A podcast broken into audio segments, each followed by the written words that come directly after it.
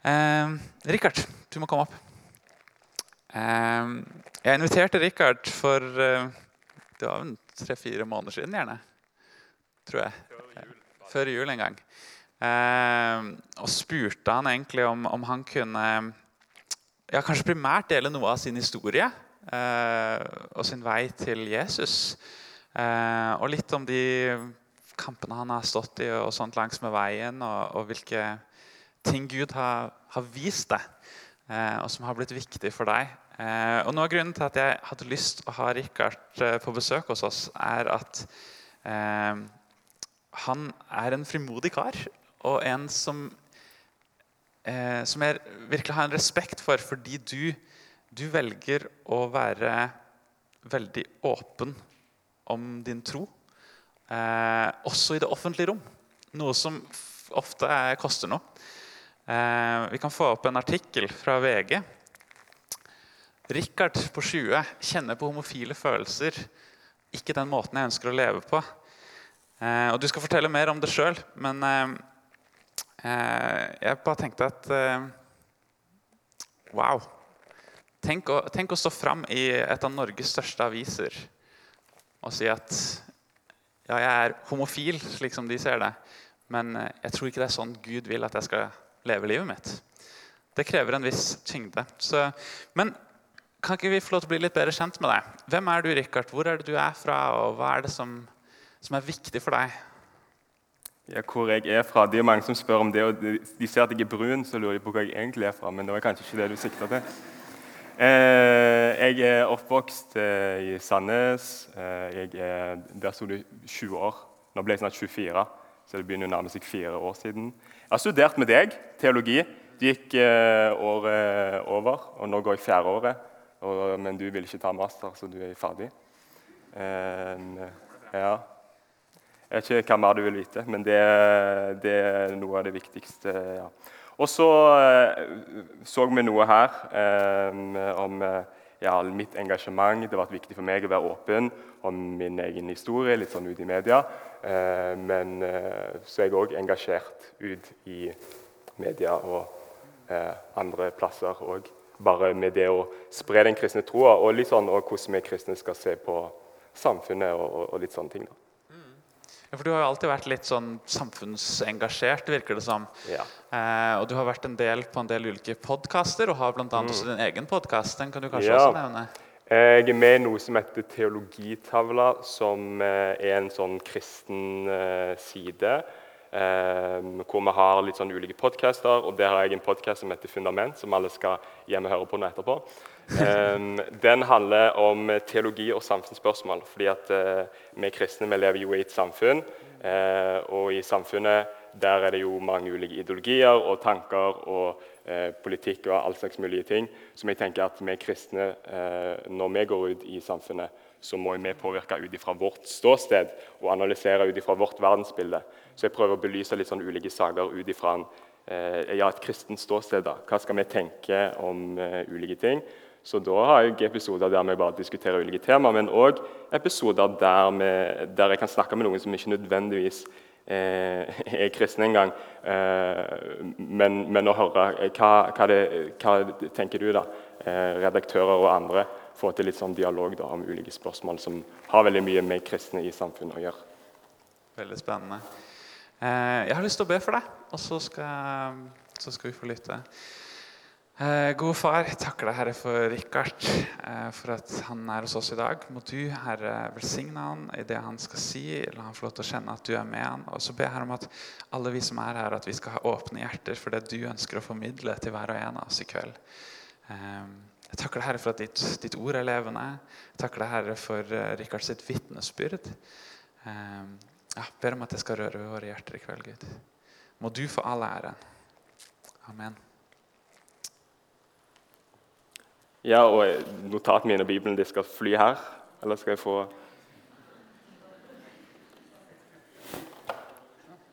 Tusen takk. Ja, Nå er jo allerede noe av det jeg skal si i dag, blitt litt spoila. Men eh, jeg skal, skal snakke om seksualitet. Eh, noe som er et veldig kontroversielt eh, tema, må en nok si. Eh, og det, den tittelen jeg har valgt for eh, talen eh, her i dag, er 'Seksuell identitet sett i Bibelens lys'. For jeg tenker at det er spørsmålet om identitet er veldig viktig. Hva er det som er vår identitet? Og som jeg sa, det er veldig kontroversielt, eh, det her med seksualitet. Spesielt homofili. Det er egentlig få ting som skaper så mye kontrovers i kirka, i samfunnet, som den debatten. Kirka ble kritisert både fra utsida og fra innsida fra å holde, for at de holder en, en type lære da, som ikke som ikke anerkjenner det at homofile eksisterer, Eh, og som eh, ikke inkluderer dem. Og Det tenker jeg er veldig dumt, for eh, som kristne så er vi jo kalt til å elske. vi er kalt til å elske av Jesus, og vi ønsker jo å vise kjærlighet. Vi ønsker å være inkluderende av folk, ofte også folk som gjerne er litt annerledes enn majoriteten. Og vi vil ha en tro som taler sant om livet. Men de som er konservative i de her spørsmålene, og da har jeg skrevet inn meg her i manuskriptet. De blir eh, ofte stempla som slemme, hatefulle, homofober. Og det er mange som kvier seg for å si hva de egentlig mener om det her spørsmålet. Eh, og hva er da eh, resultatet hvis vi kvier oss for å snakke om det her spørsmålet? Jo, jo resultatet det er eh, at vi ikke snakker om det. Noe som jeg tenker er ikke bra. Fordi eh, seksualitet det er jo ikke bare teori, det er noe som er veldig nært knytta til eh, vårt liv. Det er viktig at vi som kristne kan snakke sant om livet. og Nettopp derfor bør vi snakke om det det. Og Som ble vist her, så er jo dette et veldig eh, personlig eh, tema for meg. Eh, og jeg kan si det at når jeg var liten, så var jeg, eh, som de andre guttene, så var jeg interessert i jenter. Så det hender jeg blir omtalt som homofil. Det er andre gangen det skjer i dag. men det helt, stemmer ikke helt. da litt sånn mot slutten av ungdomsskolen, uten at jeg hadde bedt om det, egentlig, så merka jeg å kunne kjenne på tiltrekning til menn. Altså alltid, så lenge jeg kan huske, jeg kjent på tiltrekning til kvinner. Og så plutselig på slutten av ungdomsskolen, starten av videregående, så begynner jeg å kjenne på sånn tiltrekning til menn. Eh, der var veldig utfordrende for meg. Det var rart. Jeg måtte finne ut hvordan skal jeg forholde meg til det her, og ut ifra eh, min kristne tro. Det som gjaldt for meg, det som var veldig viktig, det var å være åpen med andre om hva jeg gikk igjennom, hva jeg strevde med. Eh, så Derfor på videregående allerede så begynte jeg å åpne meg for eh, vennene mine, etter hvert andre og etter hvert eh, hele verden, holder på å si, VG og sånn. det var en trygghet for meg at folk visste hva som jeg gikk igjennom. både fordi at du blir holdt ansvarlig, altså at det, det er bra, men, men så så jeg òg på min historie som en slags mulighet for å kunne vise det, at det går an å holde fast på hva Bibelen sier om seksualitet. Holde fast på hva Bibelen sier, samtidig som en kjenner på disse følelsene. Samtidig som jeg da kjenner på tiltrekning til eh, samme kjønn det som ofte skjer, og den type historie jeg vil se for dere at dere har hørt veldig mange ganger, det er at folk, når de kommer ut eh, på denne måten, så omfavner de seksualiteten sin som sin personlige identitet. I mitt tilfelle da, så ville det vært jeg er bifil. Sånn er det. Det er sånn Gud har skapt meg. Det er min identitet. Det er bra. Eh, men eh, min historie er veldig annerledes. Så eh, som allerede har blitt forutsatt her tidligere, så skal dere også få lov til å høre mitt vitnesbyrd, hvordan jeg kom til tro. Eh, jeg hadde min omvendelse når jeg var 16 år. Har for så vidt vokst opp i en kristen familie, så bønn og bibel og sånne ting det har, det har vært meg veldig, eh, veldig, nært. Men jeg hadde ikke en sånn ordentlig forståelse av evangeliet og hvorfor måtte egentlig Jesus dø. Men det som skjedde da når jeg var omtrent 16, kanskje da på ungdomsskolen forresten, så, men mest 16 år etterpå, så når jeg begynte på videregående, første året der, så ble jeg eksponert for en sånn type evangelieforkynnelse som ikke kun snakka om de positive tingene. At Jesus døde for oss, og det er så fint, og han er glad i oss. og sånn. Altså Det er veldig bra at Jesus er glad i oss. Det er veldig bra at han døde for oss. Men det som vi trenger å se, det er jo at Jesu død er nødvendig for oss. Og Det fikk jeg se gjennom at de litt mer negative tingene ble tatt opp. De snakket om det at vi mennesker er syndere. Jeg fikk se det at jeg hadde brutt Guds bud. Og Ta de ti bud, f.eks. Du, eh, du skal ikke stjele, du skal hedre din mor og din far. Alle budene i Bibelen, Det gamle testamentet og, og mer enn alt Jesus sine, altså de to kjærlighetsbud som vi ser hos Jesus i evangeliene og i loven. Du skal elske det neste som deg sjøl og Gud av hele ditt hjerte. Vel, Jeg vet ikke et eneste sekund i mitt liv at jeg har gjort det. Så når jeg da leser eller når jeg da ble, ble, eksponert for Jesus, han som forbilde Når jeg ble eksponert for loven, hva det jeg så da? Jo, bare fordømmelse. Jesus kun fordømmelse. Fordi alle de plassene Jesus levde bra, alle de plassene han gjorde det som var rett, så har ikke jeg gjort det.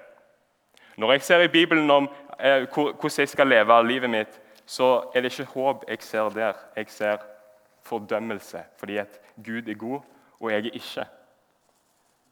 Disse dårlige nyhetene her er noe som for meg viste meg hvorfor jeg trenger nåde, hvorfor jeg trenger, trenger Jesus. For det er jo sånn at Jesus har dødd for oss. Han har levd et perfekt liv, han elsker sin neste som seg sjøl og Gud av hele sitt hjerte. Hvert sekund. Jeg har ikke gjort ett sekund, han gjorde det hvert sekund. Og han tok på seg min synd, sånn at jeg i troa på han kan bli, kan bli tilgitt. Der fikk jeg se når jeg var 16 år. og Det er noe som òg hadde veldig mye å si for, for, mitt liv. For Samtidig som man blir tilgitt, så får vi òg et nytt liv som kristen. En ny retning. Det er det som kalles um, omvendelse. Man omvender seg ifra synd og til Gud. Så ting som jeg kunne gjøre helt uten problem, f.eks. å, å lyve for å komme meg unna ja, ubehagelige ting, og sånn, det eh, klarte jeg ikke å gjøre lenger med god samvittighet. Jeg begynte å tenke på eh, jeg begynte å tenke på hva som er Guds vilje for mitt liv. på den måten at det, Hvordan skal jeg leve livet mitt? Hva er det som ærer Gud, og hva er det som ikke ærer Gud? Og det her det henger jo sammen med hva evangeliet er.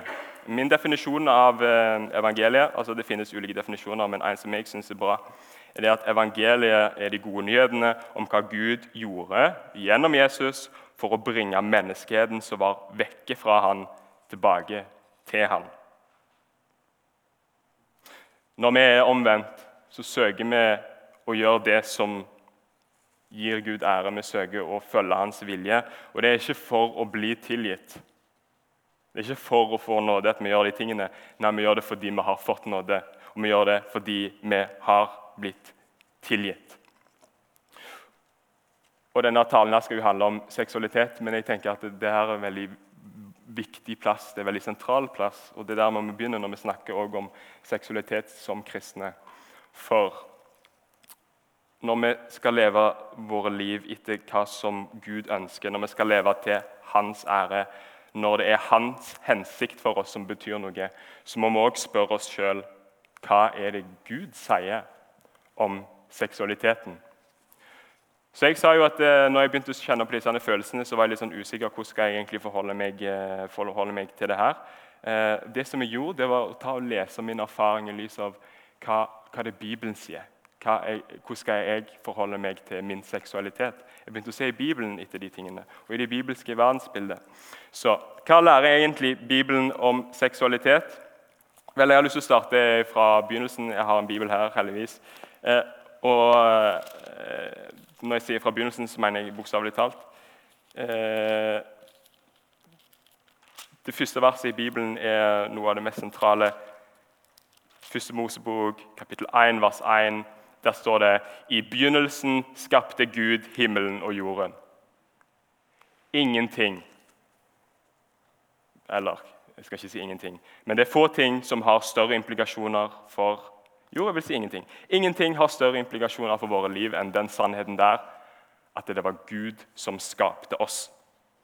Alt som er i dette rommet, her, er Guds skapelse. Vi hadde ikke eksistert hvis det ikke hadde vært for Gud. I realiteten så betyr det at det er ingenting her inne og det er ingenting i våre liv Det er ikke oss sjøl, ikke noe vi gjør, som vi kan ta og heve over Gud. Han er øverst. Og Når det er sant, så er det eneste rette å gjøre, det er òg å leve for Han. For hva annet bør vi gjøre? Hva annet er liksom mest meningsfullt enn å leve for det som er øverst? Og Derfor har vi noen flotte vers i, eller et flott vers i første Korinterbrev. Første kor 10, 31. Eh, der står det enten dere spiser eller drikker, eller hva dere enn gjør, gjør alt til Guds ære. Alt til Guds ære. Til og med når vi spiser og drikker, så skal vi gjøre det til Guds ære. Hvorfor? Jo, fordi at Gud har skapt alt. Han er øverst. Det fins ingenting annet som er mer verdifullt, og som vi burde leve for. Når det så er sånn at til og med når vi spiser og drikker, så skal vi gjøre alt til Guds ære, hvor mye mer da ikke sex og, og, sex og romantikk? Fordi Gud har skapt oss med en seksualitet. Han har skapt romantikk. Og når han har skapt alt der, når han har skapt alt dette, så bør vi spørre oss sjøl hva er det som er Guds hensikt med dette. Hva er Guds hensikt med romantikk og seksualitet? Vel, jeg, jeg har forstått det sånn at eh, det har blitt talt litt om seksualitet faktisk her i det, i det siste, de siste møtene, så dette er jo egentlig bare repetisjon for dere. Men eh, Ekteskapet er veldig sentralt. For Gud skaper mennesket som mann og kvinne. Og han definerer ekteskapet som en relasjon mellom mann og kvinne. Det ser vi i 1. Mosebok eh, 2.24. Der står det derfor skal mannen forlate sin far og sin mor og holde fast ved sin kvinne, og de to skal være én kropp. Dette er Guds ordning. Dette er det som er bra. Og så ser vi det at Seksualiteten er gitt for å være innenfor denne type rammer. Og Det er både fordi at det innebærer å få barn, noe som bør skje innenfor en ordning hvor både mann og kvinne er forplikta til barnet. det tenker jeg er veldig viktig. Men òg fordi det speiler intimiteten mellom en mann og en kvinne. Det nå å la seksualiteten komme til uttrykk i en ikke-ekteskapelig relasjon eller romantikk i tilfeller der det ikke kan lede opp til et ekteskap, altså f.eks. To, eh, to av samme kjønn eller med noen som er gift allerede, det er ifølge Bibelen synd. Det er ifølge Bibelen hor, ekteskapets brudd. Og Hvorfor det? Jo, fordi det bryter med Guds hensikt, hans intensjon. Og Når vi lever på denne måten, så er det vi gjør, at vi tar noe annet enn Gud, og så opphøyer vi det over Gud og sier at det her er bedre, jeg vil heller leve sånn. Det er det vi gjør når vi ikke lever etter det som er Guds hensikt og Guds intensjon. Og Da er det vel noen som vil si ok, hva da med homofile som ikke helt passer inn i dette bildet? Ekteskapet mellom mann og kvinne. Må de i motsetning til heterofile gi opp seg sjøl for å følge Jesus? Det er kanskje litt sånn det blir forstått i dag med eh, nevnte identitet tidligere. Jeg har tenkt litt sånn på i samfunnet i dag når, til, når, det kommer til identitet. Hva er på en måte historien som blir fortalt i vår kultur, i samfunnet? Eh, det det veldig ofte snakkes om, det snakkes om at man skal finne seg sjøl, man skal finne vår, sin identitet. Eh, det man mener med det, sånn jeg forstår det, er at eh, identiteten det forstås som hva som er unikt for deg. Du må være autentisk med deg sjøl. Det er veldig viktig. Og Overført på seksualiteten så innebærer det å finne sin egen identitet at man søker inn i sitt eget indre, inn i hjertet ditt. Hva er det hjertet ditt lengter etter? Hva er min tiltrekning? Jeg må leve ut det. For at man skal kunne leve et fullkomment liv, så må, du, må man være tro til ens innerste følelser og lengsler. Man må grave i sitt innerste og være tro til seg sjøl. Når noen sier at de er homofile, eller de er lesbiske, eller de er transperson, eller de er bifil, eller du kan legge til lista, så er det egentlig det de sier da, når de sier det, er at jeg kan ikke leve et meningsfullt liv med mindre jeg omfavner denne delen av meg sjøl. Jeg har nødt til å være tro til det som jeg føler på. Hvis ikke, så er ikke mitt liv Da lever ikke jeg ut mitt fulle potensial. Det er det man sier. Så Man ser altså til seg sjøl for å finne meningen med livet. Grav inn i deg sjøl. Der, der, er din identitet. Der er sånn som du burde leve. Vel, den kristne forståelsen vil jeg si skiller seg ganske eh, radikalt ifra denne. Og igjen For å ta mitt personlige eksempel her, da, så ønsker jeg som kristen å skille mellom hva jeg føler, og med det mener jeg min tiltrekning for eksempel, og dypsittende vaner, ting som faller meg naturlig. Jeg vil skille mellom det og hvem jeg er. Det jeg mener med det, at jeg ikke lar følelsene mine være styrende for hva slags verdier jeg ønsker å leve etter. Eh, det beste eksempelet jeg har på det her, som jeg tror de fleste forstår, det er en gift mann som ønsker å være trofast imot ektefellen sin, selv om han kan kjenne på tiltrekning til andre. Eh, jeg tror ikke det er så veldig normalt at eh, menn eller kvinner når de gifter seg, så bare bam, ingen følelser for noen andre etterpå. Nei, man er nødt til å det er, det er, jobb man er nødt til å faktisk fornekte seg sjøl. En, en, mann som gjør det her, som fornekter seg sjøl for å være trofast, han forstår at alt med mennesket ikke er bra. Ingen har en perfekt seksualitet, og man bør ikke leve ut alt man føler. Og Det er også sånn jeg forholder meg til min seksualitet. Og jeg vil faktisk si det, at Et, et liv der eh, man alltid skal være tro til ens egne følelser, eh, og der det er nødvendig for at eh, man skal leve et fullverdig liv, det virker litt mer som slaveri enn frihet for meg. Du må gjøre det du føler for hele tida. Og Skulle man fulgt det her konsekvent, så kunne man jo egentlig aldri forplikta seg til noen eller til noe. For i realiteten så innebærer en eh, forpliktelse at man gjør ting selv om man ikke føler for det, og sier nei til ting som man føler for å gjøre. Å tro det at man alltid kan være tro til seg sjøl og bruke seg sjøl som en standard for hva som er rett Eh, da antar man jo òg at alle sider ved en sjøl er gode. Og det er ikke det Bibelen lærer. Det som vi kan lese om i Bibelen, heller, det er at vi kan lese om et syndefall. Og Hvis dere ennå er i eh, Første Mosebok, så har du i Første Mosebok 3, vers 17 så ser vi, eh, eller jeg kan først si I kapittel 2 så ser vi jo at ja, mann og kvinne blir skapt, og det, det er godt. Ting er godt, det er ikke synd i verden.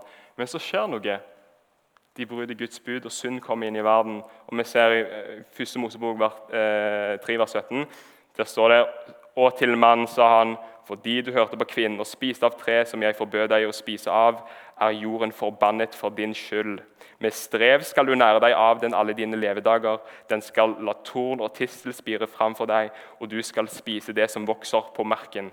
Med svette i ansiktet skal du spise ditt brød inntil du vender tilbake til jorden, for av den er du tatt, støv er du, og til støv skal du vende tilbake.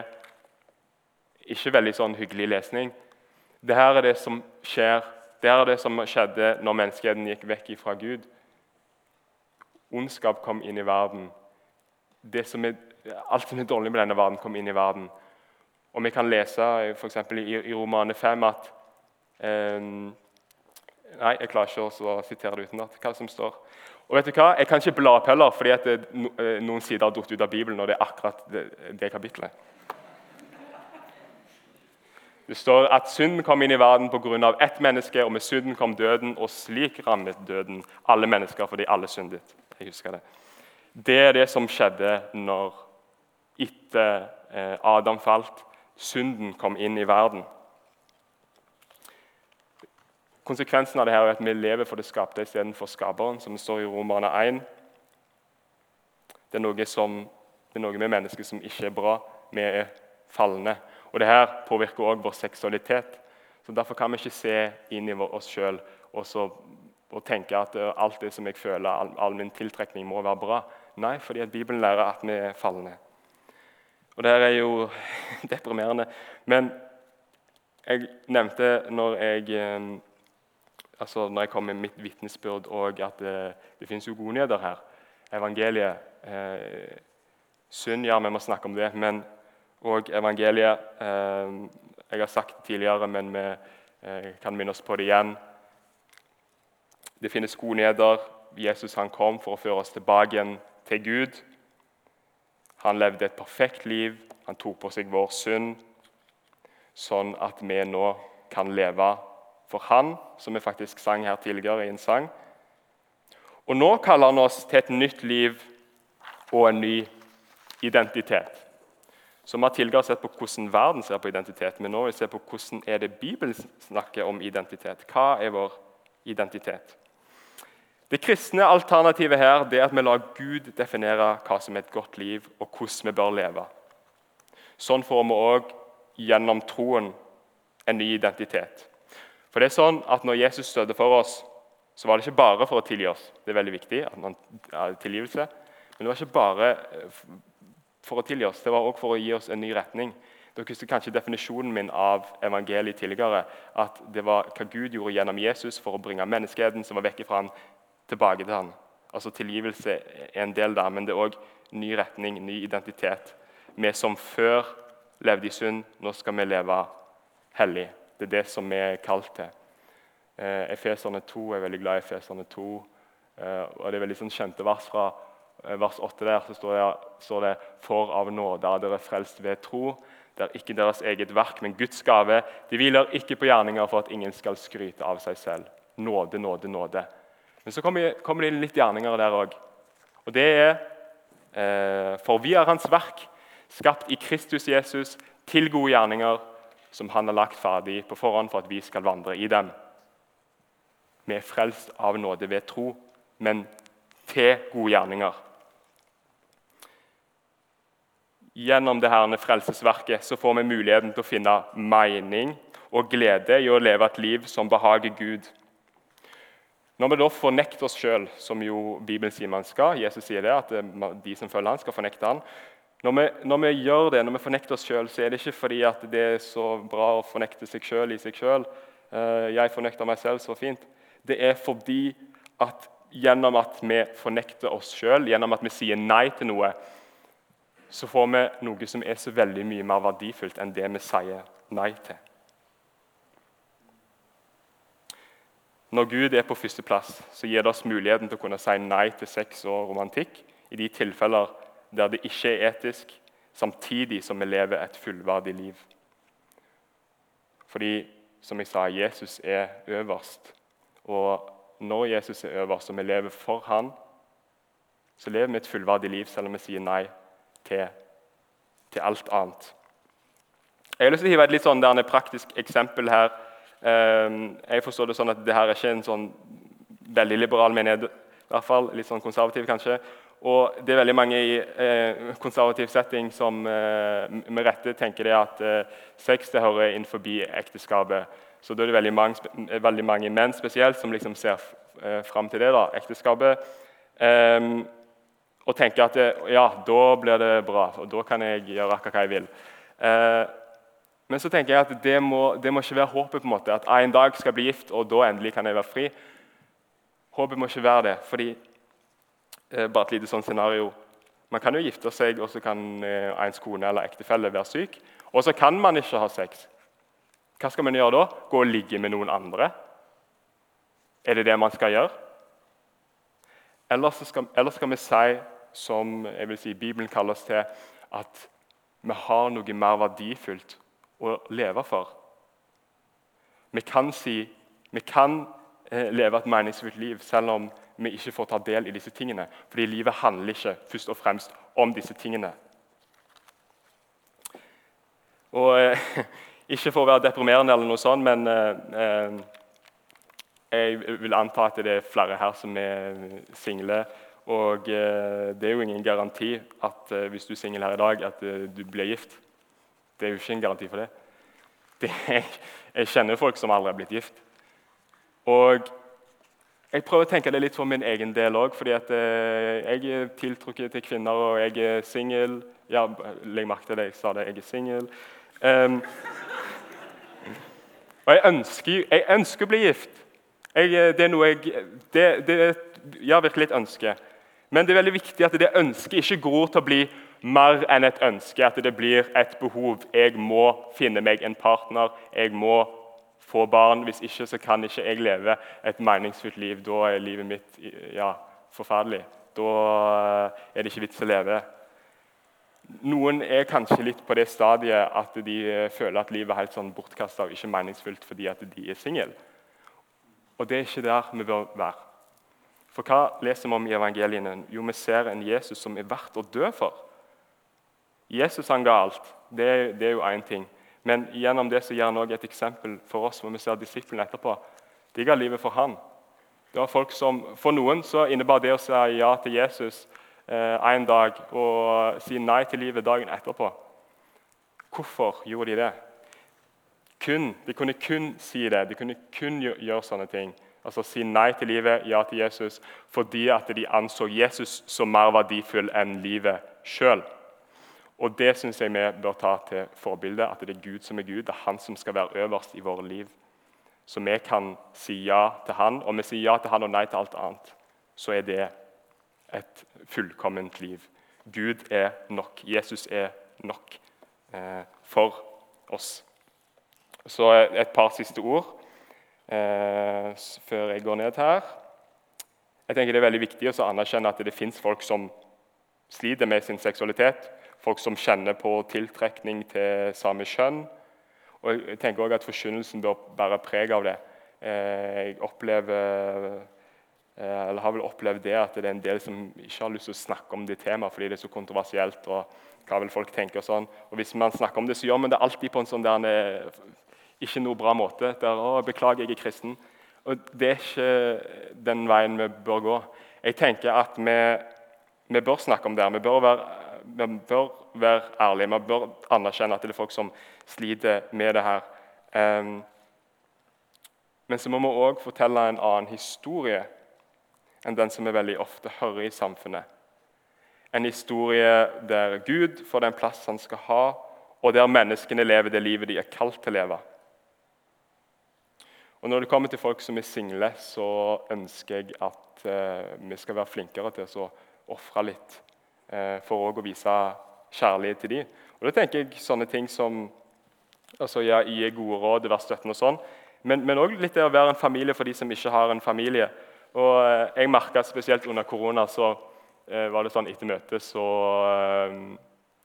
eh, gikk alle hjem fordi vi fikk ikke lov til å være der etter møtet. Sånne restriksjoner Og sånn. Og så bodde jeg i Kristiansand, eh, var singel, hadde ikke noe familie der nede i Kristiansand, for de bor her. Og så gikk alle hjem til svigers og foreldrene sine, og jeg var singel. Og så er det sånn Ja, ja vel, da reiser jeg hjem. Eh, og eh, da tenker jeg på ok, hvordan er det å være 35 år og alle bare stikker hjem til svigers etter møtet, og ingen har lyst til å invitere med noen hjem. Så Spesielt når vi krever av folk at de kanskje skal leve som singel hele livet, at de skal ofre alt for Jesus, så tenker jeg det at vi er litt gjestfrie, det må være veldig lite offer.